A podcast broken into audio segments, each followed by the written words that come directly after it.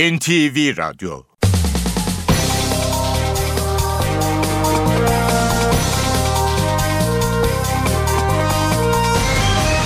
İşe Giderken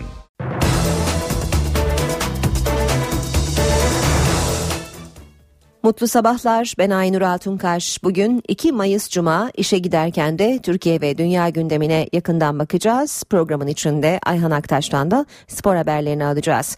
Gündemin başlıklarıyla başlayalım.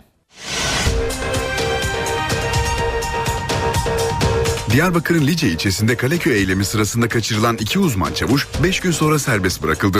HDP heyeti tarafından teslim alınan askerlerin sağlık durumu iyi. İstanbul Taksim'de 1 Mayıs kutlamasına izin verilmedi. Beşiktaş ve Şişli'den Taksim'e yürümek isteyenlere polis müdahale etti. Gözaltına alınanlar ve yaralananlar oldu. Cumhurbaşkanı Abdullah Gül ve Başbakan Recep Tayyip Erdoğan dün akşam haftalık olağan görüşmede Cumhurbaşkanlığı seçimini konuştu. Bugün de AK Parti'nin en üst karar organı Merkez Karar Yönetim Kurulu toplanacak. Karadeniz'i sağanak yağış vurdu. Aşırı yağış Bartın ve Karabük'te sel ve su baskınlarına neden oldu. Yollar ve köprüler su altında kaldı. Tarım arazileri zarar gördü. Enerji ve Tabi Kaynaklar Bakanı Taner Yıldız Mayıs ayında da doğalgaza zam yapılmayacağını açıkladı. İşe giderken gazetelerin gündemi.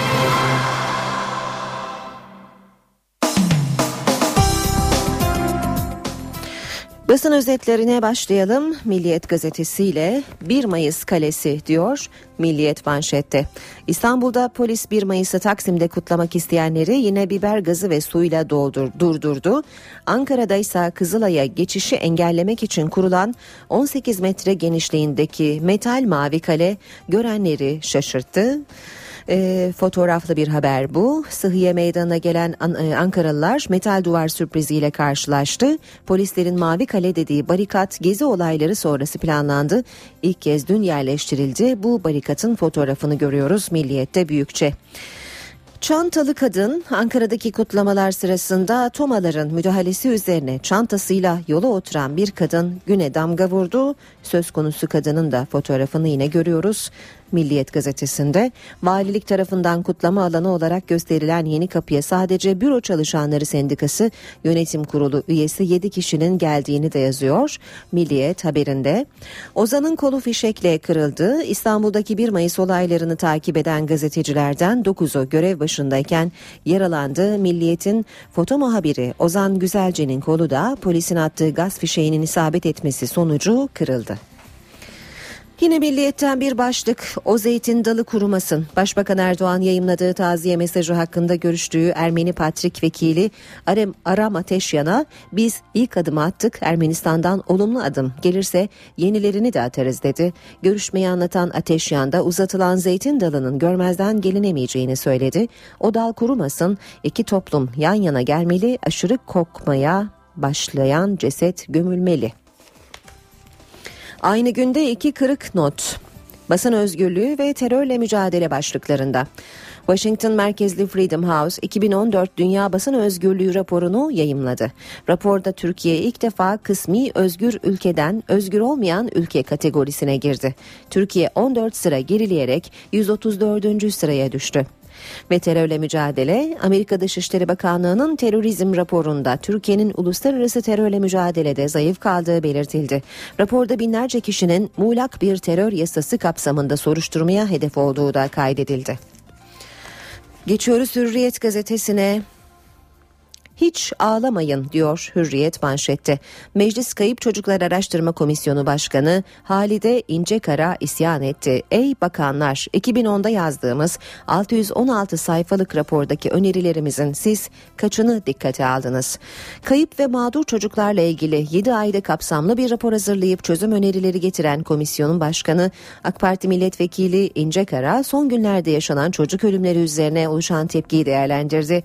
İncekara raporda yer alan önerilerin kurumlar tarafından dikkate alınmamasına ve bürokratik zorluklara tepki gösterdi. Bugün bayram gazdan kaçın çocuklar 1 Mayıs bu yılda Taksim Meydanı yasağının gölgesinde kutlandı. İstanbul ve Ankara polisin sert müdahalesi nedeniyle gaza boğuldu. İstanbul'da 147, Ankara'da 141 kişi gözaltına alındı deniyor haberde. Bir diğer başlık yine Hürriyet gazetesinde. Berke'nin raporunda iki polis gezi eylemleri sırasında ekmek almaya giderken gaz fişeğiyle başından vurulup ölen Berkin Elvan'ın e, katil sanığı iki polis hakikate yakın kanaatle belirlendi. Memur suçları savcılığının atadığı bilirkişi Ulusal Teknik Büro raporunu bugün teslim edecek. Raporun ekindeki kamera görüntüleri arasında bir grup çevik kuvvet polisinin arasından ikisinin yere yakın mevzilenerek direkt Berkin'e gaz tabancasını doğrulttuğunun görüldüğü ileri sürüldü. Bir diğer haber yine Hürriyet gazetesinden milletim için gururluyum. Chelsea'yi eleyerek Şampiyonlar Ligi'nde finale yükselen Atletico Madrid'in başarılı futbolcusu Arda Turan büyük bir mutluluk yaşadığını söyledi. Real Madrid'le karşılaşacak Atletico Madrid'in kozu Arda en büyük finalde oynayacak iki Türk e, ilk Türkiye doğumlu futbolcu olacak. Alman vatandaşı 4 Türk final gururu yaşamıştı.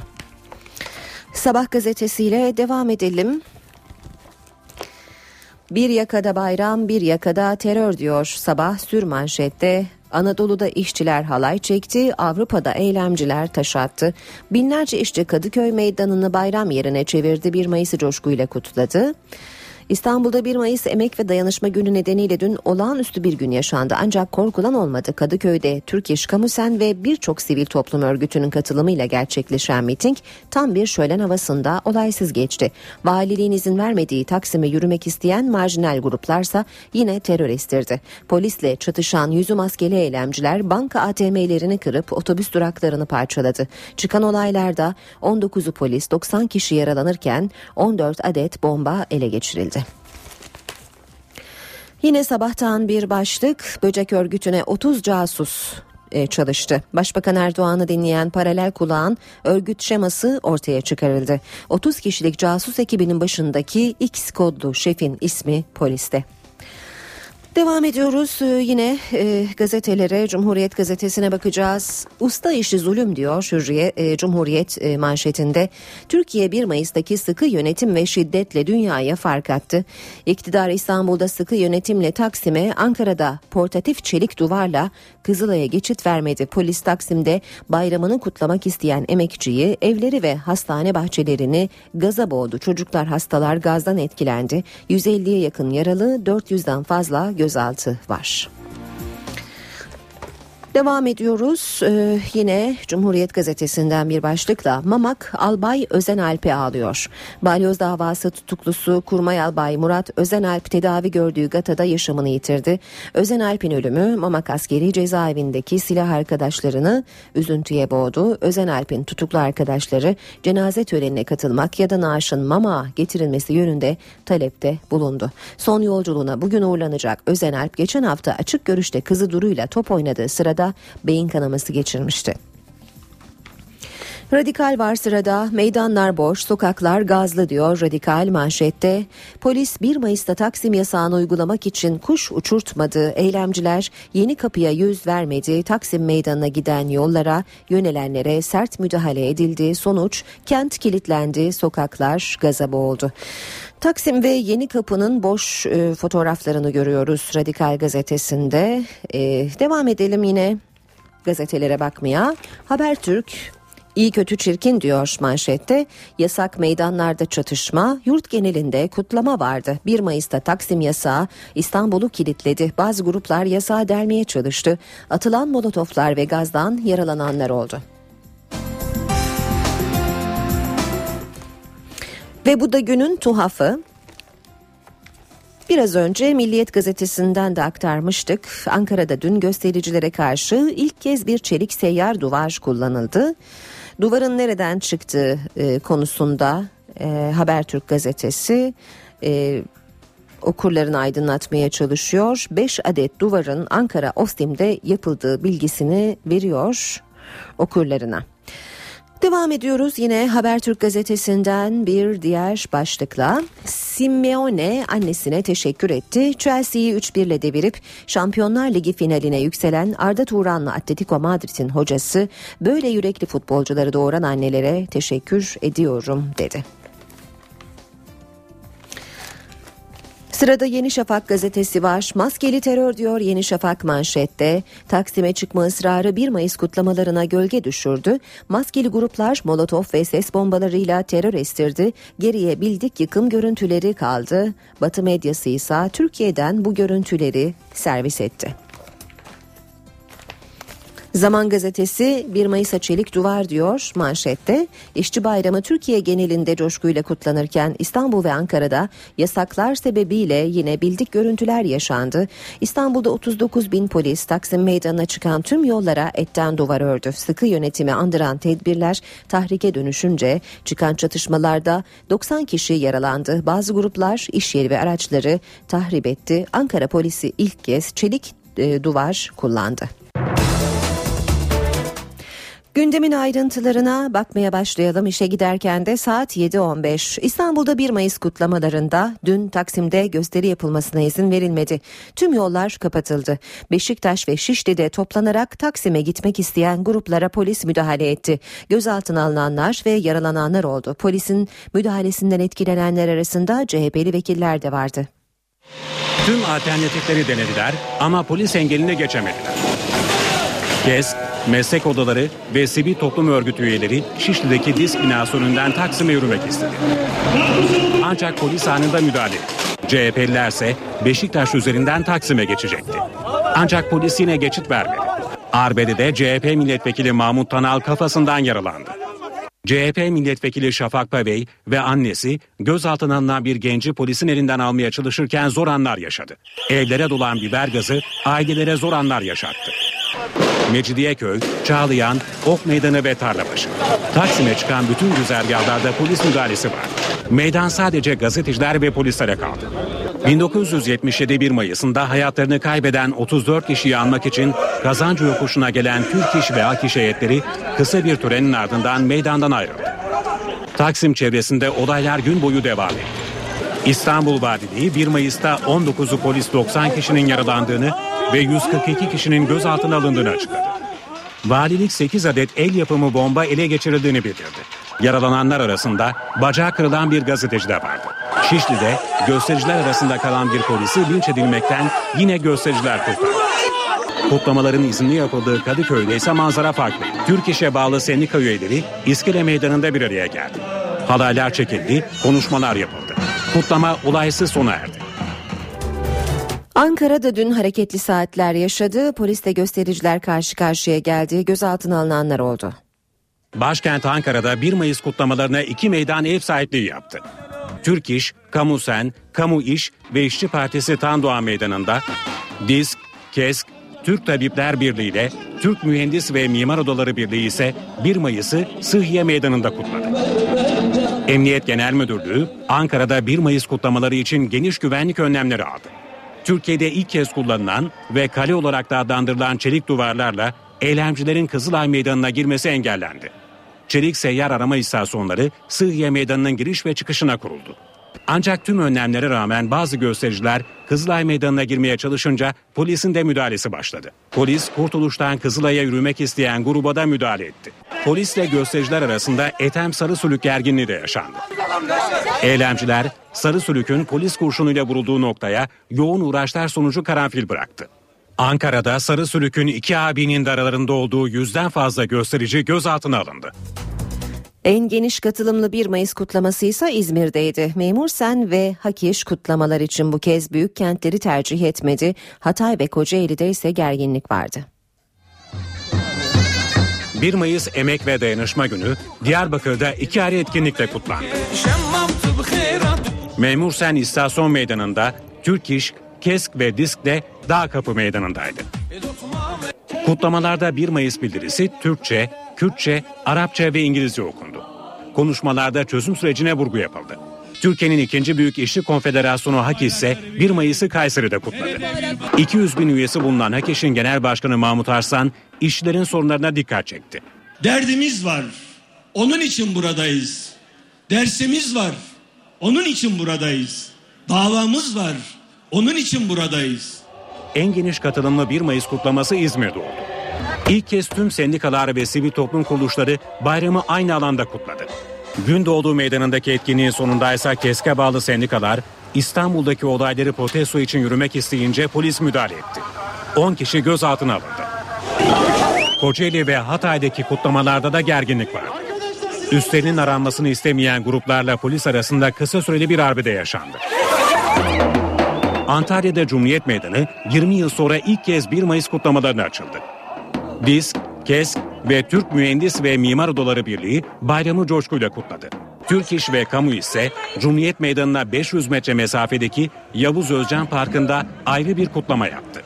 Eskişehir'de İşçiler Bayramı film çekimi için kurulan Taksim Meydanı platosunda kutlandı. Yürüyüşün ardından temsili anıta çelenk bırakıldı. Temizlik işçilerinin süpürge, kova ve konteyner kullanarak verdiği konser ilgi gördü. Tekrar İstanbul'a dönelim. Dün 1 Mayıs önlemleri nedeniyle İstanbul'da ulaşım durma noktasına geldi. İstiklal Caddesi en sakin günlerinden birini yaşadı. Güvenlik önlemleri hem işlerine giden vatandaşları hem de turistleri mağdur etti. Kimi yolda kaldı, kimi barikata takıldı. 1 Mayıs'ta İstanbul'da ulaşım durma noktasına geldi. Anadolu ve Avrupa yakası arasında verilen toplu taşıma hizmetleri 1 Mayıs nedeniyle büyük ölçüde askıya alındı. Metrobüs ve vapurlar iki yaka arasında yolcu taşımadı. Mecidiyeköy istikametine edeceğim. Böyle bir şey yok metrobüs çalışmıyor. Neden ya? Neden? Yolcuyu niye yolundan ediyor? Böyle bir şey var mı ya? İşime gidiyorum Bostancı'ya. Evet bakalım nasıl gideceğiz? Alınan tedbirler nedeniyle köprülerde trafikçiliğe dönüştü. Söylemişler ama bu kadar beklemiyorduk Beşiktaş'ın falan ayrımının kapalı olduğunu. Neyse. Nereye gideceksiniz? Ben Şişli'ye gideceğim. Taksim ve çevresinde esnafın bir kısmı tedbir olarak kepenk kapattı. Taksim'deki otellerde konaklayan turistler de 1 Mayıs önlemlerinden payını aldı.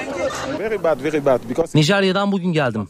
Otelin meydanın arkasında. Oraya geçebilmek için uğraşıyorum. Geçen yıl 1 Mayıs'ta başına isabet eden gaz kapsülüyle yaralanan lise öğrencisi Dilan Alp bu yıl babasıyla birlikte Taksim'e geldi. Geçen seneden istinaden e, yaşadığımız olayların yani uyguladıkları şiddetin bir işe yaramadığını göstermek için buradayız. 1 Mayıs için adres gösterilen Yeni Kapı miting alanına sadece 6 işçi bir de köfte ekmekçi uğradı. İstanbul'da Taksim Meydanı ve çevresinde güvenlik önlemleri akşam da devam etti. Metro seferleri saat 23'te başladı. Meydan çevresindeki bariyerler gece kaldırıldı. Ok Meydanı'nda ise polis ve göstericiler arasında çatışma yaşandı. Taksim Meydanı ve çevresinde önlemler hava karardıktan sonra da devam etti. Meydana geçişe izin verilmedi. Taksim Meydanı ve metro ancak saat 23'ten sonra açılabildi. Önce polis ekipleri belediye otobüsleriyle görev noktalarından ayrıldı. Daha sonra bariyerler söküldü. Bazı vatandaşlar Cumhuriyet anıtına bırakılan çelenkler önünde hatıra fotoğrafı çektirdi. Mis sokakta ise polis eylemci zannettiği gazetecileri sokağa terk etmeleri yönünde uyardı. Arkadaşlar buradaki herkes gazeteci. Kısa süreli gerginliğin ardından grubun gazeteci olduğunun anlaşılması üzerine polis ekipleri sokaktan ayrıldı. Gece Taksim ve çevresinde temizlik görevlilerinin mesaisi başladı. Taksim meydanında sakinlik hakimken Ok meydanında hareketli anlar yaşandı. Ara sokaklarda polisle göstericiler sık sık karşı karşıya geldi. Polisin biber gazlı müdahalesine eylemciler havai fişek ve molotof kokteylleriyle karşılık verdi. Devletin zirvesi 1 Mayıs'ı mesajlarla kutladı. Cumhurbaşkanı Gül ve Başbakan Erdoğan sağduyu çağrısı yaparken CHP Genel Başkanı Kemal Kılıçdaroğlu ise 1 Mayıs'ı istediği gibi kutlamak herkesin hakkıdır dedi. Dışişleri Bakanı Davutoğlu da çalışan gazetecileri kutladı. 1 Mayıs Emek ve Dayanışma Günü için hem devletin zirvesinden hem de muhalefetten kutlama mesajları geldi. Cumhurbaşkanı Abdullah Gül, emeğiyle, alın teriyle, üretimiyle ülkemize değer katan çalışanlarımızın 1 Mayıs Emek ve Dayanışma Günü'nü tebrik ediyorum diye başladığı mesajında 1 Mayıs'ın huzur ve güven içinde kutlanmasını diledi. Geçmişte acı ve üzücü hatıralarla arzu edilmeyen görüntülerle gündeme gelen 1 Mayıs'ların gerekli derslerde çıkarılarak çalışma barışını ve toplumsal barışı güçlendiren bir bayram olarak hafızalardaki yerini alması içten temennimizdir. Bu konuda herkesin sağduyulu ve sorumlu davranmasının gereken hassasiyeti göstermesinin önemine dikkat çekmek istiyorum. Başbakan Recep Tayyip Erdoğan ise mesajında emekleriyle ve alın terleriyle Türkiye'nin gelişmesine ve kalkınmasına büyük katkı sağlayan tüm çalışanların bayramını kutladı. 1 Mayıs'ın birlik ve beraberliğimizi pekiştirmesini, anlamına yakışır bir şekilde kardeşlik ve barış içinde geçmesini temenni ediyor, tüm vatandaşlarımızı sevgiyle selamlıyorum. CHP Genel Başkanı Kemal Kılıçdaroğlu da bir kutlama mesajı yayınladı. CHP lideri dileğimiz ve isteğimiz 1 Mayıs'ın kimsenin canı yanmadan adına yakışır bir şekilde bayram gibi kutlanmasıdır dedi. 1 Mayıs resmen bayramdır ve herkesin bayramını başkasının can ve malına zarar vermeden istediği yerde istediği gibi kutlamak en doğal hakkıdır. Dışişleri Bakanı Ahmet Davutoğlu da gazetecileri kutladı. Basın emekçileri olarak sizin de 1 Mayıs işçi bayramınızı e, tebrik ediyoruz. Hepimiz bir sürü emekçiyiz. Basın emekçileri de bu anlamda onların da günü ama çalışıyorsunuz siz. Diğer ülkelerdeki 1 Mayıs kutlamalarıyla devam edelim. Birçok ülkede meydanlar doldu. En coşkulu kutlamalardan birine Küba ev sahipliği yaptı. Dünyadaki en kalabalık 1 Mayıs yürüyüşü Küba'daydı. Gelenek bozulmadı. Bu yılda yüz binlerce kişi Havana'daki devrim meydanında toplandı. Kutlamalara Küba Devlet Başkanı Raul Castro da katıldı. Meksika'daki Karayip Devletleri Birliği zirvesi sonrası Küba'ya giden Avrupa Birliği Bakanı Mevlüt Çavuşoğlu da Havana'daki törende yer aldı. Rusya'da da 1 Mayıs coşkusu vardı. Kutlamaların merkezi Kızıl Meydan'da on binlerce kişi toplandı. Yunanistan'da sendikaların organize ettiği etkinlikte kalabalık parlamento önüne yürüdü. İşçiler hükümetin ekonomik krizi aşmak için uyguladığı kemer sıkma politikasını protesto etti. İspanya'daki 1 Mayıs yürüyüşünde de hükümetin krizden çıkış reçetesi eleştirildi. Fransa'da aşırı sağcı lider Marine Le Pen'in 1 Mayıs yürüyüşünde yaptığı Avrupa Birliği karşıtı konuşma ise bir femen üyesi tarafından protesto edildi. Güney Kore'deki 1 Mayıs yürüyüşüne de on binlerce kişi katıldı. Hükümetin işçilere yönelik politikasının protesto edildiği eylemde feribot kazasında hayatını kaybedenler için saygı duruşu yapıldı. Bangladeş'te ise 1 Mayıs yürüyüşünde sokaklar tekstil işçilerinin İşçiler çalışma koşullarını protesto etti ve işçi ölümlerinin engellenmesi için düzenlemeler yapılmasını istedi. İşe giderken Diyarbakır'ın Lice ilçesinde kale kol eylemi sırasında kaçırılan iki uzman çavuş 5 gün sonra serbest bırakıldı. HDP heyeti tarafından teslim alınan askerlerin sağlık durumu iyi. Diyarbakır'ın Lice ilçesinde kale kol eylemi sırasında silahlı bir grup tarafından kaçırılan askerler dün akşam HDP heyetine teslim edildi. Grup Başkan Vekilleri Pervin Buldan ve İdris Baluken'le HDP Milletvekili Sırrı Süreyya Önder askerleri Lice Kaymakamlığı'na götürdü. Nerede tutuldunuz? Önemli olan onların sağ salim, sağlıklı e, saçlarının tellerine ya da onurlarına, haysiyetlerine bir zarar gelmeden getirip teslim etmiş olmamızdı. Bunu yaptık. HDP Milletvekili Önder bölgede devam eden kale kol eylemi için de devreye gireceklerini söyledi. Kimsenin eylemini bitirmek, bitirmemek bizim işimiz değil. Biz o e, sorumluluğu gösteren halkımızla tekrar konuşup gelişmeleri aktaracağız ve inisiyatifi ve sorumluluğu devralmak istediğimizi onlara da bildireceğiz. İki uzman çavuşun da yakında düğünü olduğunu belirten Önder askerlere mutluluk diledi. Haber ailelere de ulaştı. Uzman çavuş Hasan Demircan'ın annesi yaşadığı sevinci dile getirdi. İki mutlu bir yaşadık. Hem kandil gecesi hem de oğlumuzun serbest kalması. Allah'ım devletimizden razı olsun. Bizi yalnız bırakmadılar. Her zaman aradılar, sordular. Askerlerin savcılığa ifade vermesi bekleniyor. Başbakan Tayyip Erdoğan 1915 olaylarına ilişkin ilk kez taziye mesajı yayınlamasının ardından Ankara'da Türkiye Ermenileri Patrik Vekili Aram Ateşyan'la görüştü. Ateşyan taziye mesajını zeytin dalı ve barış sembolü olarak değerlendirdi. Ateşyan Dışişleri Bakanı Davutoğlu ve Diyanet İşleri Başkanı Mehmet Görmez'le de bir araya geldi. İlk kez bir başbakan 24 Nisan'da Ermenilerin acısını paylaştı. Peygamberin gönderdiği güvercin gibi zeytin dalı uzattı. Biz bunu görmemezlikten gelemeyiz. Bu barış sembolüdür.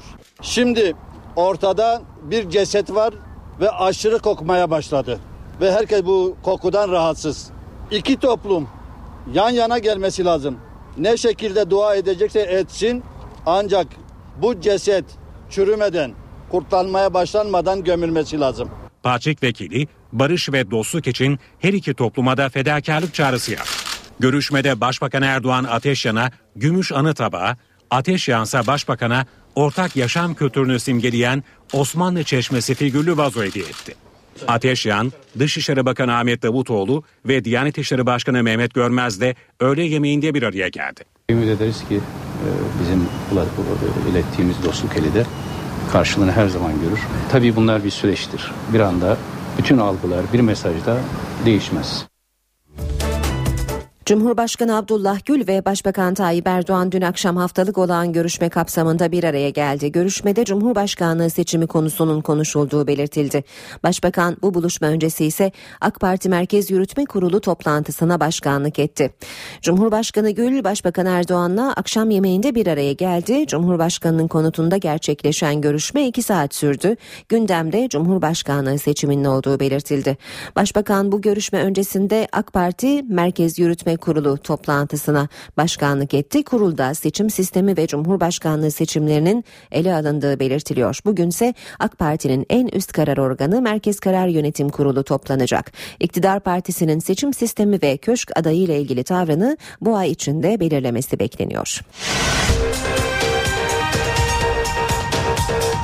Diyarbakır'ın Lice ilçesinde Kaleköy eylemi sırasında kaçırılan iki uzman çavuş 5 gün sonra serbest bırakıldı. HDP heyeti tarafından teslim alınan askerlerin sağlık durumu iyi. İstanbul Taksim'de 1 Mayıs kutlamasına izin verilmedi. Beşiktaş ve Şişli'den Taksim'e yürümek isteyenlere polis müdahale etti. Gözaltına alınanlar ve yaralananlar oldu.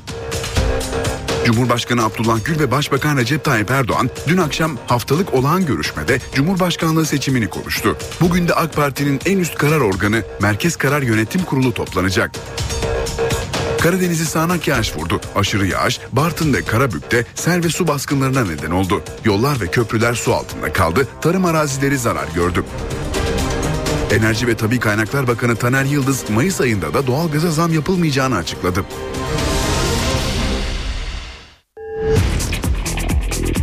Spor haberleri başlıyor.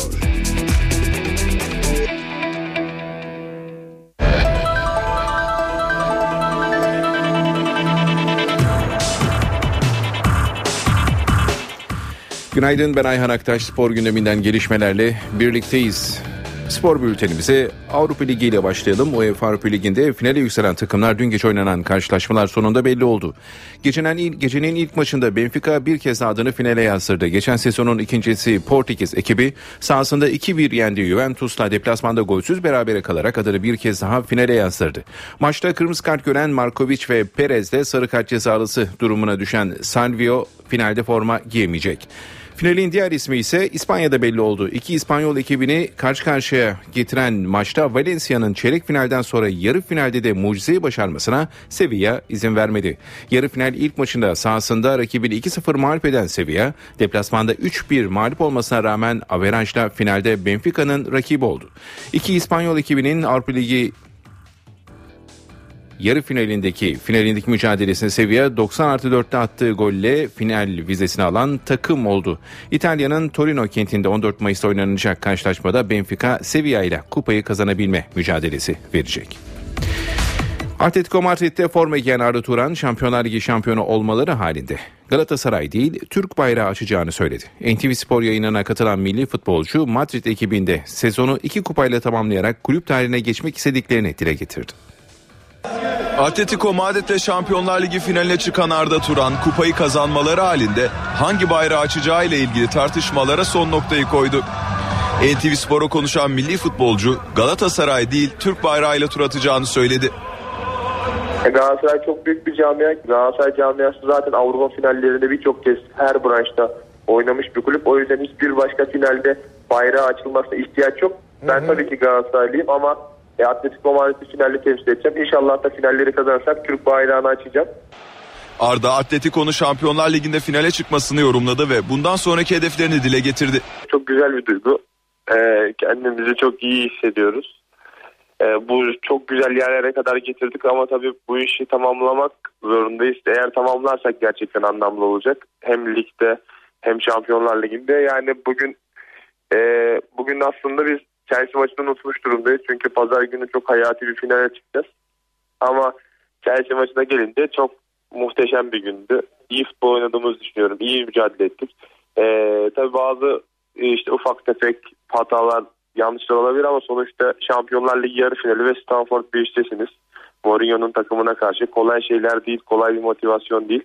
Ama üstesinden geldiğimizi düşünüyoruz. Biz finale gelene kadar kupadan hiç bahsetmiyoruz hayalimiz var. Maç maç gidiyoruz, final final gidiyoruz diye ama Şampiyonlar Ligi için artık kupayı istiyor, istiyoruz diyebiliriz. Çünkü bir tane maç kaldı.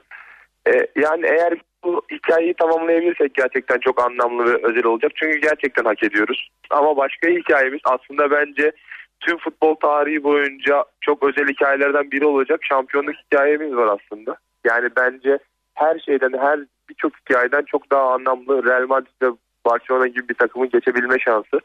Ve buna çok yaklaştık. O yüzden pazar günü başka bir finalimiz var Levante ile. Hayatımızın en zor en önemli maçlarından bir, bir tanesine çıkacağız. İnşallah bu iki hikayeyi en güzel şekilde tamamlarız. Fenerbahçe yöneticisi Ömer Temelli, teknik direktör Ersun Yanal'ın geleceğiyle ilgili sosyal medyada açıklama yaptı. Temelli bir taraftarın Yanal devam edecek mi sorusuna tabii ki yanıtını verdi. Spor Toto Süper Lig'de bitime 3 hafta kala şampiyonluğa ulaşan Fenerbahçe'de teknik direktör Ersun Yanal'ın sezon sonu bitecek sözleşmesini uzatması bekleniyor. Sarı lacivertli yönetim önümüzdeki günlerde masaya oturacağı deneyimli teknik adama 2 yıllık yeni sözleşme teklif edecek. Mustafa Denizli ve Aykut Kocaman'ın ardından Fenerbahçe'yi şampiyonluğa taşıyan 3. Türk teknik adam olan Yanal'ın da kariyer hedefleri doğrultusunda Fenerbahçe'de yoluna devam etmek istediği biliniyor. Fenerbahçe'nin sosyal medyayı aktif kullanan yöneticilerinden Ömer Temelli taraftarlarla yaptığı sohbette Yanal'ın takımdaki geleceğine dair açıklamalarda bulundu. Temelli bir taraftarın Ersun Yanal devam edecek mi şeklindeki sorusuna tabii ki yanıtını verdi.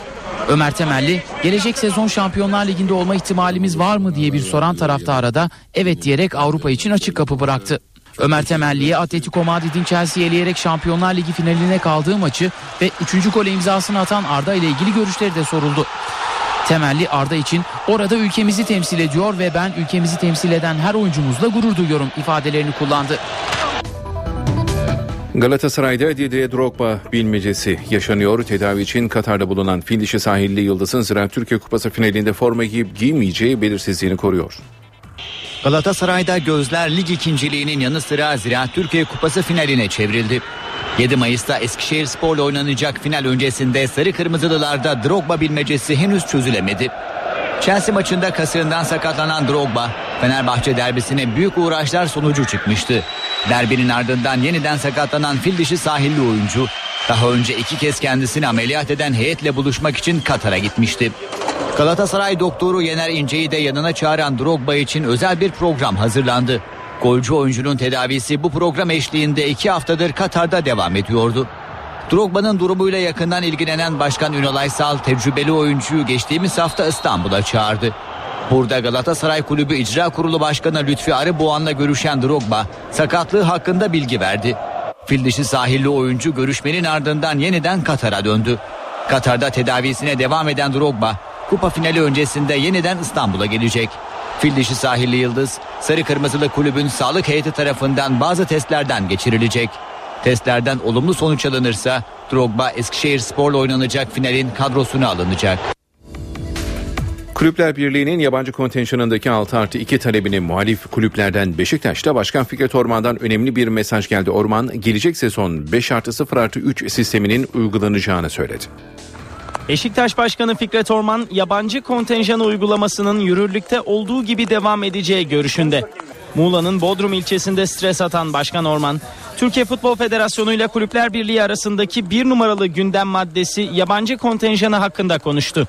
Orman, uygulamanın 5 artı 0 artı 3 şeklinde devam edeceğini söyledi. Biz doğrusu neyse onu yapmaya çalışıyoruz. Birisini karşılığımıza almak. Hele bizim gibi bir zihniyeti olan e, bir yönetim açısından kimseyi karşımıza almayız ama bizim açımızdan doğru olanları yapmaya çalışıyoruz.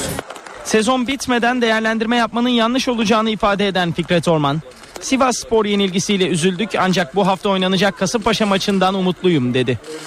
Başkan Fikret Orman, Vodafone Arena inşaatının hızlı bir şekilde ilerlediğini, stadın gelecek sezona hazır olacağını yineledi. Türk Erkekler Basketbol Ligi'nde 29. hafta maçları tamamlandı. Alınan sonuçları hızlı bir şekilde aktaralım. Türk Telekom 67, Beşiktaş İntegral Forex 84, Royal Halı Gaziantep 68, Trabzon Medikal Park 73, Banvit 73, Anadolu Efes 72, Pınar Karşıyaka 93, Uşak Sportif 72, Tofaş 117, Ali Apetkim 82, Galatasaray Live Hospital 93, Olin Edirne 78, Torku Selçuk Üniversitesi 83, Mersin Büyükşehir Belediye 79 ve Fenerbahçe Ünker 85, Aykontet Ankara Kolejiler 79. Basketbol ligine dair sonuçları da aktardık. Bu bilgilerle spor bültenimizi tamamlıyoruz. İyi günler diliyoruz. NTV Radyo Herkese yeniden günaydın. Ben Aynur Altunkaş. İşe giderken de yeni saate başlıyoruz. Gökhan Abur'la birazdan son hava tahminlerini konuşacağız. Önce gündemin başlıkları. Diyarbakır'ın Lice ilçesinde Kaleköy eylemi sırasında kaçırılan iki uzman çavuş 5 gün sonra serbest bırakıldı. HDP heyeti tarafından teslim alınan askerlerin sağlık durumu iyi. İstanbul Taksim'de 1 Mayıs kutlamasına izin verilmedi. Beşiktaş ve Şişli'den Taksim'e yürümek isteyenlere polis müdahale etti. Gözaltına alınanlar ve yaralananlar oldu. Cumhurbaşkanı Abdullah Gül ve Başbakan Recep Tayyip Erdoğan dün akşam haftalık olağan görüşmede Cumhurbaşkanlığı seçimini konuştu. Bugün de AK Parti'nin en üst karar organı Merkez Karar Yönetim Kurulu toplanacak. Karadeniz'i sağanak yağış vurdu. Aşırı yağış Bartın ve Karabük'te sel ve su baskınlarına neden oldu. Yollar ve köprüler su altında kaldı. Tarım arazileri zarar gördü. Enerji ve Tabi Kaynaklar Bakanı Taner Yıldız Mayıs ayında da doğalgaza zam yapılmayacağını açıkladı. Gökhan Abur'la beraberiz. Hoş geldiniz. Günaydın. Merhaba, hoş bulduk. Günaydın. E, yurdun bazı kesimlerinde özellikle e, Bartın'da e, Karadeniz diyelim e, isterseniz Karadeniz'in bazı yerlerinde aşırı yağışlar baskınlara sebep oldu. Bu sabah erken saatlerde de Gökçeada'da çok şiddetli yağmurun hayatı olumsuz etkilediğini okuyoruz. E, bu yağışlar bugün de sürecek mi? Nerelerde etkili olacak? E, aralıklarla devam ediyor yağışlar çünkü hala lodos var. Lodosun taşıdığı e, nem ve lodosun e, yükselttiği bulutlar gelişerek bu şekilde kısa süreli sağanakları e, oluşturabiliyor. Zaten dün hatırlarsanız Batı Karadeniz bölgesi için özellikle Bartın, Karabük, İnebolu arasındaki bölgeye risk vermiştik ve maalesef bölgedeki risk e, gerçekleşti ve su baskınları ve dere taşmaları e, bölgede oldukça etkili. Tabi sabah erken saatlerde bu kez Çanakkale üzerindeki yoğun bulut kümesi Çanakkale'de ve özellikle de Gökçeada'da yine su baskınlarına sebep olabildi. Şu anda Trakya'da yağış etkisini kaybetti ama Çanakkale'de hafif olarak devam ediyor son radar görüntülerine göre. Yine Edremit Körfezi içinde aralıklarla yağış geçişleri var. Ee, Batı Karadeniz bölgesinde yağış Zonguldak'ta devam ediyor. Hemen bakıyorum Ege'de, Güney Ege'de yağış etkisini kaybetti ama İzmir'in kuzey ilçeleri özellikle Dikili arasındaki yağış var. İzmir Manisa arasında hafif yağış geçişleri devam ediyor. Son uydu ve radar görüntülerine göre ve iç kesimlerde ise Afyonkarahisar, Ankara, Çankırı, Bolu, Eskişehir, e, Kastamonu, e, Kırklareli, Manisa, Zonguldak arasındaki yağışlar hafif olarak da olsa etkisini sürdürmeye devam ediyor. Evet bugün yağışlar yine Kuzey Ege'de, Marmara'da ve Karadeniz boyunca ve İç, İç Anadolu'nun kuzey kesimlerinde özellikle aralıklarla etkisini sürdürmeye devam edecek. Yarın batıda yağış kesilecek. Batıdaki yağış kesilecek ama doğudaki yağışlar yine aralıklarla etkisini sürdürecek. Pazar günü ise bu kez doğudaki yağışlar etkisini kaybederken batı yeni bir yağışlı havanın etkisi altına girecek. Hafta sonu özellikle pazar günü de batıda yer yer sağanak yağmur geçişleri var. Sıcaklıklar yine mevsim ortalamaları üzerinde olacak. Ama pazartesi günü yine lodos var. Yer yer yağışlar kuvvetli olarak batı ve iç kesimlerde etkisini sürdürürken salı günü özellikle pazartesi gece saatlerinde Trakya'da başlamasını bekliyoruz. Rüzgarın hızlı bir şekilde kuzeye dönmesi ve hızlanması ve kuvvetlenmesi havayı soğutacak. Özellikle salı günü kuvvetli Poyraz var. Salı çarşamba günü kuvvetli Poyraz havayı soğutacak. Tabi Poyraz'ın bir özelliği var. Çok kuvvetli yağışlar getirmeyecek. Çok hafif yağış geçişleri kuzey kesimlerde Marmara'da Karadeniz'de devam edecek. Ama rüzgarın özellikle çarşambadan itibaren hızlı bir şekilde karayere dönmesi yağışları da kuvvetlendirecek. Önümüzdeki haftaya hazırlıklı olun çünkü önümüzdeki hafta hem yağış var hem de hava bugüne göre daha serin. İstanbul'da şu anda hava sıcaklığı 14 e, derece. Bugün İstanbul'da beklediğimiz en yüksek sıcaklık 18 derece. İstanbul'da çok hafif olarak yerel yağışlar devam ediyor. İlerleyen saatlerde yağış etkisini kaybedecek. Hava biraz açacak. Rüzgarlar e, güneyli yönden esmesini sürdürürken e, bir ara öğle saatlerinde kuzeye dönecek. Bugün için İstanbul'da beklediğimiz en yüksek sıcaklık 18. Bu gece tekrar İstanbul'da hafif yağış geçişi var. Yarın yağış beklemiyoruz. Ama pazar günü İstanbul yeniden yağışlı havanın etkisi altına girecek. Ankara'da hafif sağanaklar devam ediyor. Şu anda 7 derece olan sıcaklığın öğle saatlerinden itibaren biraz yükselmesini ve sıcaklığın yer yer bugün Ankara'da 18 dereceyi geçmesini bekliyoruz. Gece sıcaklığı yine 8 derecenin altında olacak. İzmir'de ise Sabah saatlerinde hafif yağmur var demiştim. Bu yağış devam edecek özellikle kuzey ilçelerinde. Şu anda 14 derece olan sıcaklığın İzmir'de 22 dereceye çıkmasını bekliyoruz. İzmir'de yarın yağış yok fakat pazar günü İzmir'de Ege'nin tümüyle birlikte yeni bir yağışlı havanın etkisi altına girecek. Evet bizlere bekleyen koşullar genellikle böyle. Gökhan Abur teşekkürler. Gündemdeki gelişmelere bakmaya devam edelim. İstanbul'da 1 Mayıs kutlamalarında dün Taksim'de gösteri yapılmasına izin verilmedi. Tüm yollar kapatıldı. Beşiktaş ve Şişli'de toplanarak Taksim'e gitmek isteyen gruplara polis müdahale etti. Gözaltına alınanlar ve yaralananlar oldu. Polisin müdahalesinden etkilenenler arasında CHP'li vekiller de vardı. Tüm alternatifleri denediler ama polis engeline geçemediler. GES, meslek odaları ve sivil toplum örgütü üyeleri Şişli'deki disk binası önünden Taksim'e yürümek istedi. Ancak polis anında müdahale etti. CHP'lilerse Beşiktaş üzerinden Taksim'e geçecekti. Ancak polis yine geçit vermedi. Arbede'de CHP milletvekili Mahmut Tanal kafasından yaralandı. CHP milletvekili Şafak Pavey ve annesi gözaltına alınan bir genci polisin elinden almaya çalışırken zor anlar yaşadı. Evlere dolan biber gazı ailelere zor anlar yaşattı. Mecidiyeköy, Çağlayan, Ok Meydanı ve Tarlabaşı. Taksim'e çıkan bütün güzergahlarda polis müdahalesi var. Meydan sadece gazeteciler ve polislere kaldı. 1977 1 Mayıs'ında hayatlarını kaybeden 34 kişiyi anmak için kazancı yokuşuna gelen Türk İş ve Ak İş heyetleri kısa bir törenin ardından meydandan ayrıldı. Taksim çevresinde olaylar gün boyu devam etti. İstanbul Valiliği 1 Mayıs'ta 19'u polis 90 kişinin yaralandığını ve 142 kişinin gözaltına alındığını açıkladı. Valilik 8 adet el yapımı bomba ele geçirildiğini bildirdi. Yaralananlar arasında bacağı kırılan bir gazeteci de vardı. Şişli'de göstericiler arasında kalan bir polisi linç edilmekten yine göstericiler kurtardı. Kutlamaların izinli yapıldığı Kadıköy'de ise manzara farklı. Türk İş'e bağlı sendika üyeleri İskele Meydanı'nda bir araya geldi. Halaylar çekildi, konuşmalar yapıldı. Kutlama olaysız sona erdi. Ankara'da da dün hareketli saatler yaşandı. Polisle göstericiler karşı karşıya geldi. Gözaltına alınanlar oldu. Başkent Ankara'da 1 Mayıs kutlamalarına iki meydan ev sahipliği yaptı. Türk İş, Kamu Sen, Kamu İş ve İşçi Partisi Tandoğan Meydanı'nda DİSK, KESK, Türk Tabipler Birliği ile Türk Mühendis ve Mimar Odaları Birliği ise 1 Mayıs'ı Sıhhiye Meydanı'nda kutladı. Emniyet Genel Müdürlüğü Ankara'da 1 Mayıs kutlamaları için geniş güvenlik önlemleri aldı. Türkiye'de ilk kez kullanılan ve kale olarak da adlandırılan çelik duvarlarla eylemcilerin Kızılay Meydanı'na girmesi engellendi. Çelik seyyar arama istasyonları Sıhhiye Meydanı'nın giriş ve çıkışına kuruldu. Ancak tüm önlemlere rağmen bazı göstericiler Kızılay Meydanı'na girmeye çalışınca polisin de müdahalesi başladı. Polis Kurtuluş'tan Kızılay'a yürümek isteyen gruba da müdahale etti.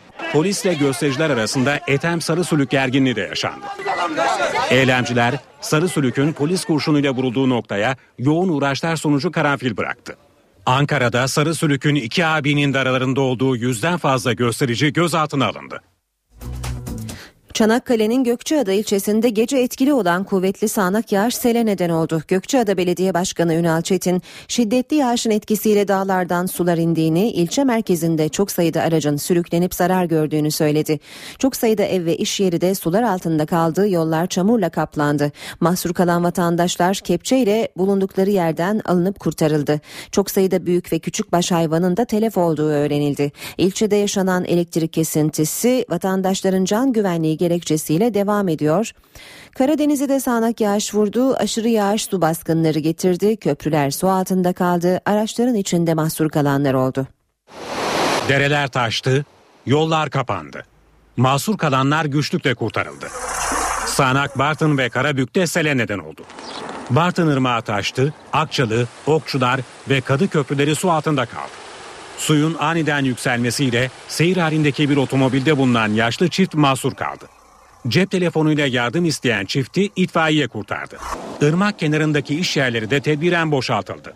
Yağış kentte 8 köye ulaşımı aksattı. Karabük'te de Sanak Eflan ilçesini vurdu. İlçe merkezi ve bazı köylerde evleri su bastı. Tarım arazileri zarar gördü. Biz gece geldik suyun bastığını öğrendik. Duvarı kırdık tuğlaları hayvanları çıkardık. Osmanlar köyünden geçen dere taştı. Evlerinde mahsur kalanlar traktörle kurtarıldı. Yağmurun bölgede salı gününe kadar etkili olması bekleniyor. Enerji ve Tabi Kaynaklar Bakanı Taner Yıldız Mayıs ayında da doğalgaza zam yapılmayacağını açıkladı. Bakan Yıldız son günlerde yurt genelinde artan yağışların en çok enerji sektörünü sevindirdiğini belirtti. Yıldız Temmuz ayına kadar elektrik fiyatlarının da aynı kalacağını vurguladı. İşe giderken Eski başbakanlardan Necmettin Erbakan'ın oğlu Fatih Erbakan, Saadet Partisi Genel Başkanlığı için aday Fatih Erbakan seçilmesi halinde bir öze dönüş hareketi başlatacaklarını söyledi. Eski başbakanlardan Necmettin Erbakan'ın oğlu Fatih Erbakan, Saadet Partisi Genel Başkanlığı'na aday. Ben kendiliğimden böyle bir karar alarak adayım diye ortaya çıkmadım. Rahmetlik babamın 40 sene dava arkadaşlığını yapmış partinin önde gelen isimleri açık bir şekilde bu gidişatın e, oluşturduğu sıkıntıların ortadan kaldırılması için partinin layık olduğu yere getirilmesi için bendenizin aday olmasını istediler. Erbakan, istişare kurulunun tek liste ve mevcut Genel Başkan Mustafa Kamalak'la kongreye gidilmesi yönündeki kararının da bağlayıcı olmadığını söyledi. Yüksek İstişare Kurulu üyelerimizin böyle bir ittifakı oluşmadı. Şöyle ifade edeyim. Örneğin Ahmet Tektal Bey ve Fehim Adak Bey Yüksek İstişare Kurulu üyelerimiz biz kongreye Fatih Erbakan'ın genel başkan adaylığında gitmek istiyoruz diye. Bunun yanında Recai Kutan Bey benzer şekilde ben Mustafa Kamalak'la kongreye gidilsin şeklinde bir beyanatta bulunmadım diye açıkça söylüyor. Fatih Erbakan seçilmesi halinde son yerel seçimlerde %2 oy alan Saadet Partisi'nde Necmettin Erbakan'ın ilkeleri çerçevesinde bir dönüşüm yaşanacağını belirtti. Yüksek Seçim Kurulu 30 Mart yerel seçimlerine ilişkin Türkiye genelinde yapılan tüm itirazları sonuçlandırdı. Kurul dünkü toplantısında son olarak MHP'nin Iğdır itirazını değerlendirdi. İtirazı reddeden kurul muhtarlık seçimleriyle ilgili de yaklaşık 200 itirazı ele alacak. Kurul haftaya resmi sonuçları açıklayacak. Ardından Cumhurbaşkanı seçimlerine yönelik çalışmalara başlayacak. Mamak Askeri Cezaevinde açık görüş sırasında beyin kanaması geçiren balyoz davası hükümlüsü Deniz Kurmay Albay Murat Özenalp tedavi gördüğü hastanede hayatını kaybetti. 25 Nisan'da açık görüş sırasında çocuklarıyla oynarken beyin kanaması geçiren ve yere düşen Deniz Kurmay Albay Özenalp kafasını beton zemine çarpmıştı. Beyin kanaması teşhisiyle Gülhane Askeri Hastanesi'ne kaldırılan Özenalp bir haftadır uyutuluyordu. Beynindeki ödemin dağılmaması nedeniyle ameliyat edilemeyen Özenalp bir hafta süren yaşam mücadelesine yenik düşerek hayatını kaybetti. İşe giderken Ukrayna'nın doğu kenti Donetsk şiddetli çatışmalara sahne oldu. Rusya yanlıları Donetsk'teki başsavcılık ofisini ele geçirdi. Çatışmaların üzerine Ukrayna Geçici Devlet Başkanı Alexander Turchinov, Ukrayna'da zorunlu askerliğin yeniden başladığını duyurdu. Ukrayna'nın doğusunda tansiyon düşmüyor. Donetsk kentinde 1 Mayıs kutlamaları için toplanan Rusya yanlıları Lenin Meydanı'ndaki gösterilerin ardından başsavcılık binasına yürüdü. Bina önünde çok sayıda polis kalkanlarıyla güvenlik önlemi aldı. Savcıların Kiev hükümetiyle çalıştığını iddia eden Rusya yanlıları polise taşlarla saldırdı. Polisin göz yaşartıcı gaz ve ses bombaları kullanması üzerine çatışma büyüdü. Göstericiler binanın camlarını kırdı. İçeri molotof kokteyli attı.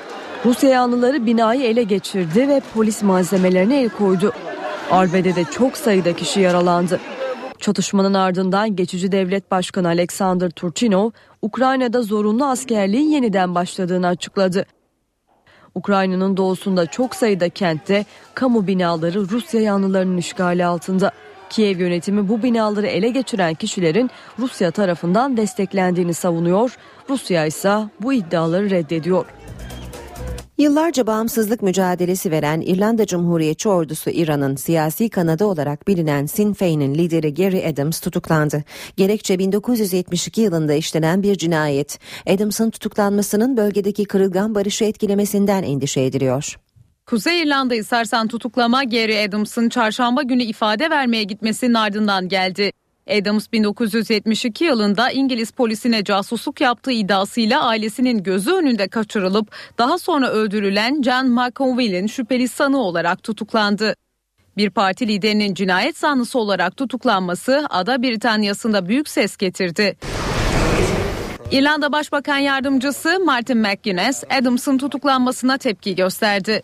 McGuinness hala polis içerisinde karanlık bir gücün olduğuna inandığını belirtti. İrlanda'da yaklaşan seçimleri işaret ederek olay seçimleri etkilemek üzerine tasarlanmıştır dedi. İngiltere Başbakanı David Cameron ise olayın politik bir tarafının bulunmadığının altını çizdi. Gary Adams İngiltere ile İRA arasında 1988 yılında imzalanan Kuzey İrlanda Anlaşması ile sağlanan barışın mimarlarından olarak biliniyor. Barış Anlaşması'nın ardından 2007'den bu yana Kuzey İrlanda'da Katolikler ve Protestanların içinde bulunduğu hükümet görev yapıyor. Başkent gündemiyle devam ediyoruz saat 8.22 karşımızda NTV muhabiri Miray Aktağ Uluç var. Miray günaydın. Günaydın Aynur. Ee, başkent bu haftayı da e, bitirmek üzere ama yine gündem yoğun. Cumhurbaşkanlığı seçimleri e, ile ilgili tartışmalar devam ediyor. Bugün AK Parti yönetiminde yine bir toplantı olacak. Dünden bugüne 1 Mayıs yankıları var. E, neler aktaracaksın bize? Haftanın son iş gününde hem iktidar hem ana muhalefet partisi cephesinde toplantılar günü bugün Aynur. Ankara'da AK Parti cephesinde önemli bir toplantı var. Bugün iktidar partisinin en üst karar organı MKYK toplanıyor. Başbakan Erdoğan'ın başkanlığında parti genel merkezinde gerçekleşecek toplantı. Dün iktidar partisinde MYK toplantısı da vardı. Başbakan Erdoğan bu toplantıya başkanlık ettikten sonra haftalık olağan görüşme kapsamında Cumhurbaşkanı Abdullah Gül ile bir araya gelmişti. AK Parti'de son dönemdeki toplantıların gündeminde seçim sistemi ve Cumhurbaşkanlığı seçimi var. Her iki konuyla alakalı bu ay içerisinde iktidar partisinden bir yanıt çıkması, bir sonuç çıkması bekleniyor. Önümüzdeki haftada iktidar partisi Afyon'da kampını topluyor ve orada bu konularla ilgili son değerlendirmelerin yapılması da bekleniyor. Ana muhalefet cephesinde de bugün toplantı var. Cumhuriyet Halk Partisi yine seçim sonuçlarını masaya yatırmaya devam edecek. Kadın kolları bir araya geliyor. Partideki kadın siyasetçiler, belediye başkanları da bugün Ankara'da olacak. Bugün ve yarın devam edecek olan toplantılardan yarın gerçekleşecek olana CHP Genel Başkanı Kemal Kılıçdaroğlu da katılacak. Hem kadınlarla görüş alışverişinde bulunacak hem de bir konuşma yapacak. Basının e, katılacağı açık olduğu, basının da katılabildiği bir toplantı gerçekleşecek. Ve e, bugün e, 1 Mayıs'ın yankıları konuşulmaya devam edilecek. 1 Mayıs'ta ilgili hem iktidar hem muhalefet cephesinden değerlendirmeler gelecek gibi görünüyor. Başkent Ankara'nın bugün yabancı bir konuğu da var. Dışişleri Bakanı Ahmet Davutoğlu, Umman Dışişleri Bakanı Yusuf Bin Allavi ile bir araya gelecek ve sonrasında ortak bir basın toplantısı düzenleyecek ikili. Ulaştırma, Denizcilik ve Haberleşme Bakanı Lütfi Elvan, Deniz Ticaret Odaları Konsey toplantısına katılacak. Bugün Diyanet İşleri Başkanı Mehmet Görmez, Gürcistan Patri ile bir araya gelecek ve gündemin son maddesi bir cenaze töreni. Mamak cezaevinde açık görüş sırasında beyin kanaması geçirerek tedavi altına alınan ve dün Gata'da hayatını kaybeden balyoz davası hükümlüsü Deniz Kurbay, Kurmay Albay Murat Özenalp için Gata'da tören düzenlenecek. Gata'daki törenin ardından Özenalp'in cenazesi Kocatepe Camii'ndeki cenaze töreninin ardından toprağa verilecek. Başkent Ankara'dan öne çıkan başlıklar bu şekilde gün boyunca bu başlıkları sizlere aktaracağız aynı. Miray teşekkürler kolay gelsin. Miray Aktağ Uluç başkent gündemini aktardı. Şimdi ekonomi başlığıyla devam edeceğiz. Profesör Doktor Güngör Uras bugün Ayşe teyzeye hidroelektrik santrallerden bahsedecek. Ayşe teyze ne yapsın? Güngör Uras, Ayşe teyzeye ekonomide olan biteni anlatıyor. Merhaba sayın dinleyenler, merhaba Ayşe Hanım teyze, merhaba Ali Rıza Bey amca. Akarsulardan elektrik elde etmek isteyenlerin teşviği için önce bir yasa çıkarıldı. Sonra bu yasaya göre elektrik üretmek üzere yatırım yapmak isteyenlere 876 yatırım lisansı verildi. Sudan elektrik elde etmek için yapılan tesislere kısaca hidroelektrik santralı HES deniliyor. Verilen 876 yatırım lisansının dörtte biri kadar 286 HES yatırımı yapıldı. Bunlar tamamlandı. 286 HES'in elektrik üretme gücü bizim şimdilerde sahip olduğumuz toplam elektrik üretme gücünün yüzde onu dolayında. Ama bu tesislerin üretim kapasitesi bugün sahip olduğumuz üretim büyüklüğünün yüzde altısı oranında. Sudan elektrik elde etmenin iki yolu var. Bir akarsuların önüne set çekiliyor, baraj yapılıyor. Barajlarda su biriktiriliyor. Bu suyun gücüyle elektrik elde ediliyor.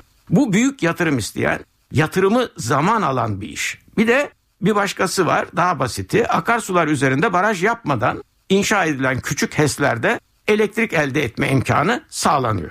Elektrik üretmek için kurulu gücün %25'i hidroelektrik tesislerinde yani sudan elektrik üretmek üzere kurulmuş tesislerde. Bunların toplam elektrik üretimindeki payları ise %19 dolayında. Hidroelektrik santrallarında kurulu güçlerin tamamını kullanmak mümkün olamıyor. Çünkü bizim akarsularımız düzensiz akıyor. Kuraklık ve mevsim şartları nedeniyle düzenli elektrik üretimi imkanı ortaya çıkmıyor. Akarsular üzerinde inşa edilen HES'ler genellikle küçük üretim tesisleri. Bugüne kadar inşaatı tamamlanan HES'lere yapılan yatırım 9 milyar dolar dolayında. İnşa halindekilerin tamamlanması için 6 milyar dolar daha yatırım yapılacak. Bir başka söyleşi de birlikte olmak ümidiyle şen ve esen kalınız sayın dinleyenler. Güngör Uras'a sormak istediklerinizi ntvradio.ntv.com.tr adresine yazabilirsiniz. Piyasalara bakalım. Dün piyasalarda 1 Mayıs tatili vardı. Bir önceki gün BIST 100 endeksi %2,15 değer kazanarak 73.871 puandan kapanmıştı. Bu sabah dolar 2 lira 11 kuruş, euro 2 lira 93 kuruştan satılıyor serbest piyasada. Euro dolar 1.39 dolar yen 102 düzeyinde. Altının onsu 1283 dolar, kapalı çarşıda külçe altının gramı 87, çeyrek altın 153 liradan satılıyor. Brent petrolün varili 108 dolar. Spor haberleri başlıyor.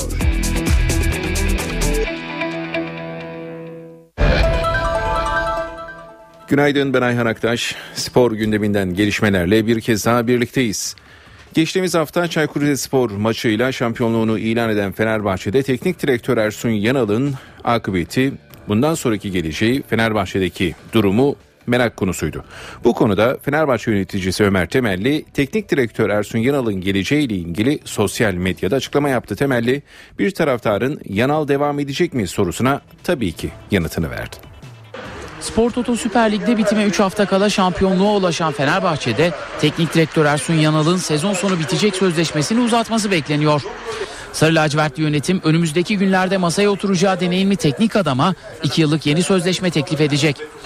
Mustafa Denizli ve Aykut Kocaman'ın ardından Fenerbahçe'yi şampiyonluğa taşıyan 3. Türk teknik adam olan Yanal'ın da kariyer hedefleri doğrultusunda Fenerbahçe'de yoluna devam etmek istediği biliniyor. Fenerbahçe'nin sosyal medyayı aktif kullanan yöneticilerinden Ömer Temelli taraftarlarla yaptığı sohbette Yanal'ın takımdaki geleceğine dair açıklamalarda bulundu.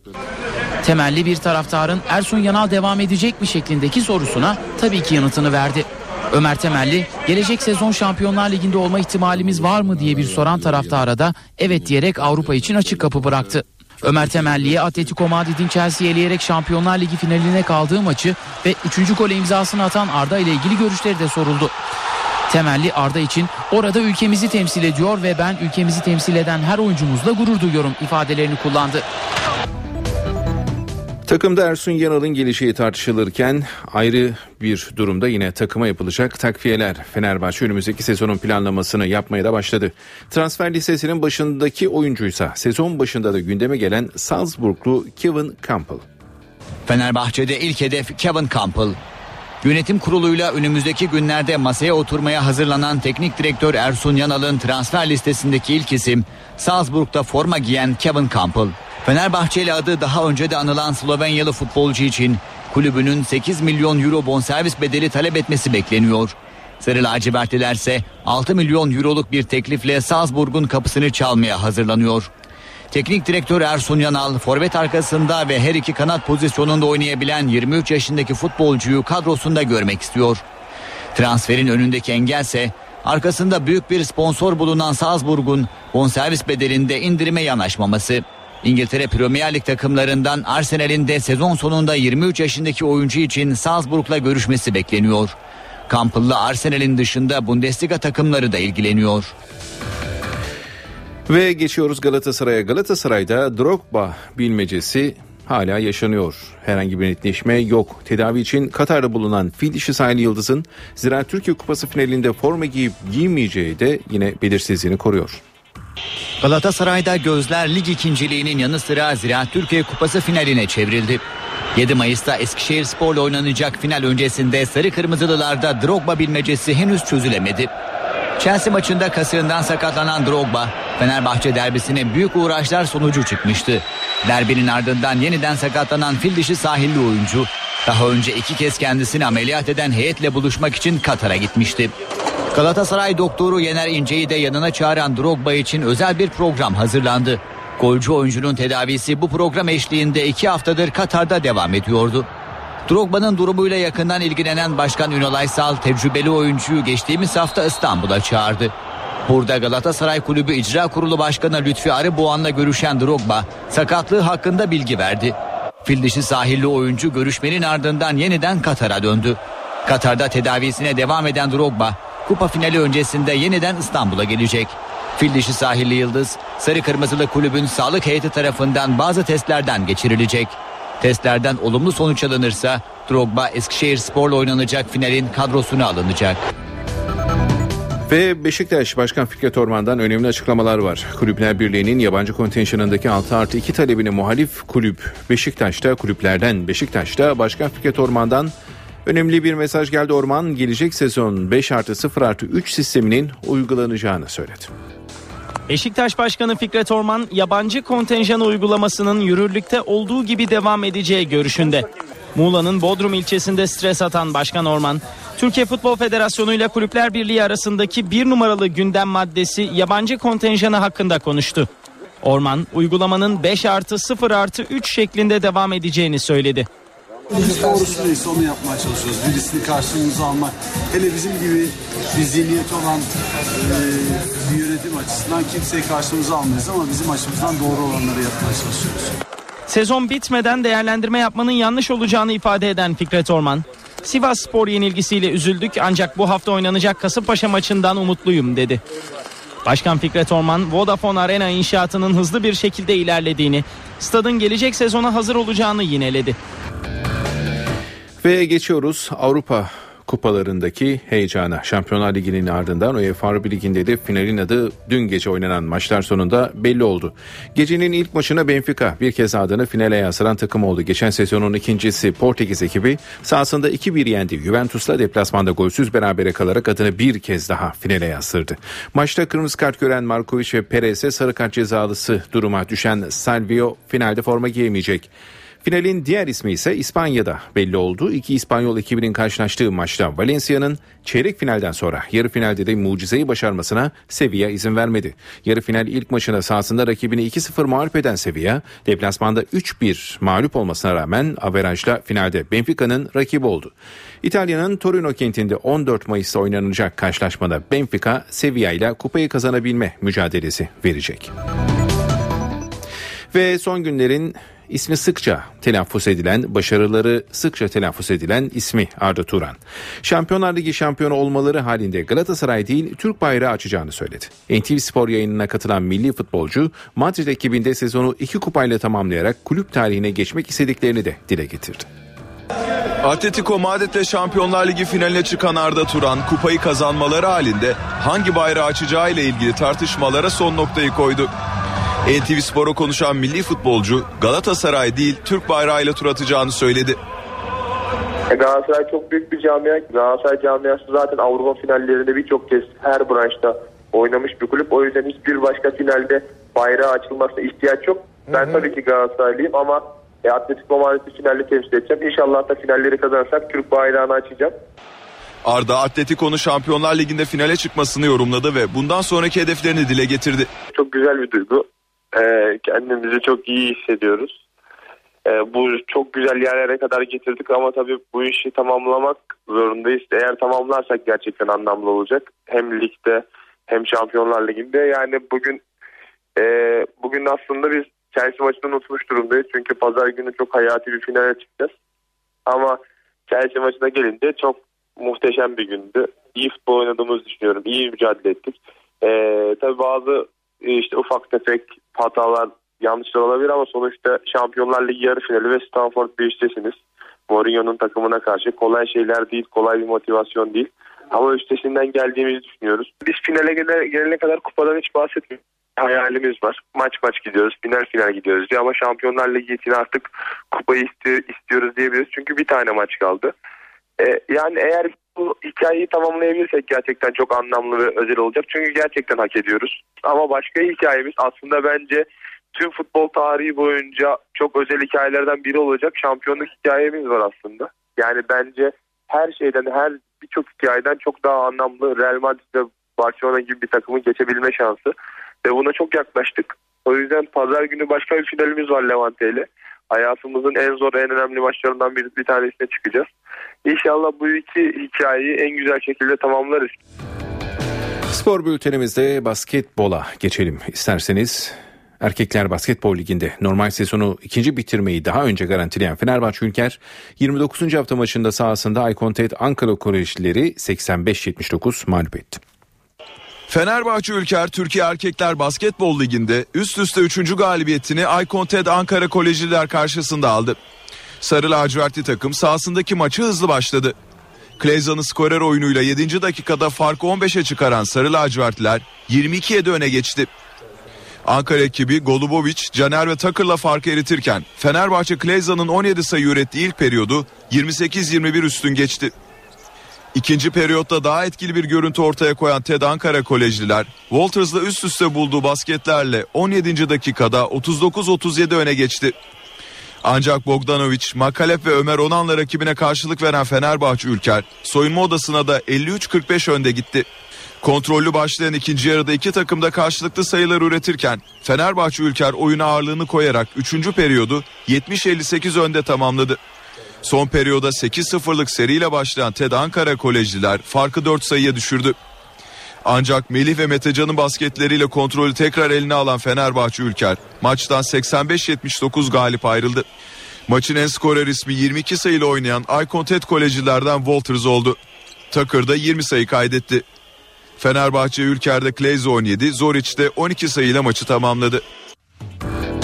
Erkekler Basketbol Ligi'nde 29. hafta sonuçlarını hemen aktaralım. Türk Telekom 67, Beşiktaş İntegral Forex 84, Royal Halı Gaziantep 68, Trabzonspor Medikal Park 73, Banvit 73, Anadolu Efes 72, Pınar Karşıyaka 93, Uşak Sportif 72, Tofaş 117, Ali Apetkim 82, Galatasaray Live Hospital 93, Olin Edirne 78, Torku Konya Selçuk Üniversitesi 83, Mersin Büyükşehir Belediye 79 ve Fenerbahçe Ülker 85, Aykon TED Ankara Kolejler 79. Ve kadın basketine geçelim. Fenerbahçe ile Galatasaray Odaya Bank Türkiye Kadınlar Basketbol Ligi playoff final serisine bugün dördüncü randevuya çıkacak. Ataşehir'deki maç saat 20'de başlayacak. Seride 2-1 önde olan Galatasaray kazanması halinde şampiyon olacak. Türkiye Kadınlar Basketbol Ligi'nde Fenerbahçe ile Galatasaray Odea Bank arasındaki playoff final serisinin dördüncü maçı bugün oynanacak. Seride 2-1 önde olan konuk sarı kırmızılı takım şampiyon olmak için parkeye çıkacak. Fenerbahçe Ülker Sports Arena Metro Enerji Salonu'nda oynanacak maç saat 20'de başlayacak. Ligde normal sezonu lider tamamladığı için ev sahibi avantajını elinde bulunduran Galatasaray Odaya Bank, Abdi İpekçi'deki ilk iki randevuyu 72-69 ve 69-59 kazandı. Son 8 yılın şampiyonu Fenerbahçe ise sahasında oynadığı playoff'un 3. maçında rakibini 81-61 yenerek seriyi 4. maça uzattı. Sarı lacivertlilerin bugün de kazanması halinde seri 2-2 olacak ve şampiyonu belirleyecek 5. karşılaşma 5 Mayıs pazartesi günü Abdi İpekçi'de oynanacak.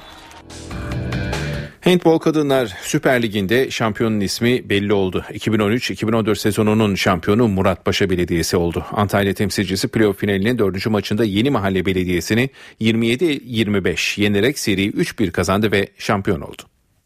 Muratpaşa Belediyesi üst üste 3. kez şampiyon. Handball Kadınlar Süper Ligi'nde Antalya temsilcisi playoff finalinin 4. maçında Yeni Mahalle Belediyesi'ne konuk oldu. Çekişmeli geçen maçın ilk yarısını Muratpaşa 14-13 önde tamamladı. Turuncu siyahlı takım ikinci yarının ortalarında rakibi karşısında 4 gollük fark yakaladı. Son bölümde Yeni Mahalle arayı kapatıp skoru 25-25'e getirdi. Bitime 20 saniye kala Muratpaşa Didem'in golüyle 26-25 üstünlüğü yakaladı. Yeni mahallenin son hücumunda gole izin vermeyen Murat Paşalı oyuncular kaptıkları topu da boş kaleye gönderip maçı 27-25 kazandı. Murat Paşalı oyuncular ve teknik adamlar galibiyet sonrası büyük sevinç yaşadı. Üst üste ve toplamda üçüncü kez şampiyon olan Muratpaşa Belediyesi'ne kupa ve madalyalarını Türkiye Handball Federasyonu Başkan Vekili Hasan Uçar verdi. Bültenimizin sonunda bir sosyal sorumluluk projesi haberini aktaralım. Alanya önemli ve eşine rastlanmamış bir Sosyal sorumluluk projesine ev sahipliği yapacak. Tüm dünyada aynı anda koşulacak ve omurilik yaralanmalarına fon sağlamak amacıyla gerçekleştirilecek olan maraton Wings for Life World Run pazar günü saat 13'te başlayacak. Tüm dünyada 35 farklı lokasyonda gerçekleşecek gelmiş geçmiş en büyük koşu etkinliklerinden Wings for Life World Run'ın Türkiye'deki lokasyonu Alanya. Dünya koşamayanlar için koşacak sloganıyla omurilik sakatlanmalarına hem dikkat çekmek hem de çare bulmak amacıyla gerçekleştirilecek etkinlik kapsamında tüm dünya pazar günü sokaklarda olacak. Etkinliğin Türkiye ayağı 13'te Alanya'dan start alacak. Maraton 34 farklı parkurda aynı anda koşulmaya başlanacak ve bu anlamda spor tarihinde bir ilk olacak. Formatı gereği bu turdaki ilk küresel spor etkinliği olacak. Wings for Life World Run'da alışılagelmiş sabit bir bitiş çizgisi olmayacak. Başlangıç sinyali verildikten yarım saat sonra bir yakalama aracı yola çıkacak ve aracın geride bıraktığı koşucular için yarış sona erecek. Tüm dünyada aracın geçtiği son erkek ve kadın etkinliğin birincisi olacak. Omurilik felci ile ilgili bilinci artırmak ve hastalığın tedavisi için yapılan araştırmalara fon aktarmak amacıyla düzenlenen Wings for Life World Run'ın yakalama aracını Türkiye Rally şampiyonu Yağız Avcı ve kol pilotu Bahadır Gücelmez kullanacak. Saatte 15 kilometre hızla yola çıkacak aracın her geçen saat hızı artacak. Araç hızını ikinci saatte 16, üçüncü saatte 17, dördüncü saatte 20 ve beşinci saatte 35 kilometreye yükseltecek. Oyuncu Burcu Kara, müzisyen Can Bonomo, milli voleybolcu Nazay Demir Akyol'un destek verdiği ve düz bir parkurda koşulacak olan Wings for Life World Run'a Avrupa şampiyonu dağ koşucumuz Ahmet Arslan da katılacak. Omurilik sakatlanmasına çaresini bulmaya yardım amacıyla yapılan etkinlikte dünyada surf sporunun sembol ismi Robbie Naish, eski Formula 1 pilotu David Coulthard, efsanevi yarışçı Eddie Jordan ve daha birçok efsane sporcu da yer alacak. Bu haberimizle spor bültenimizi tamamlıyoruz. İyi günler diliyoruz. NTV Radyo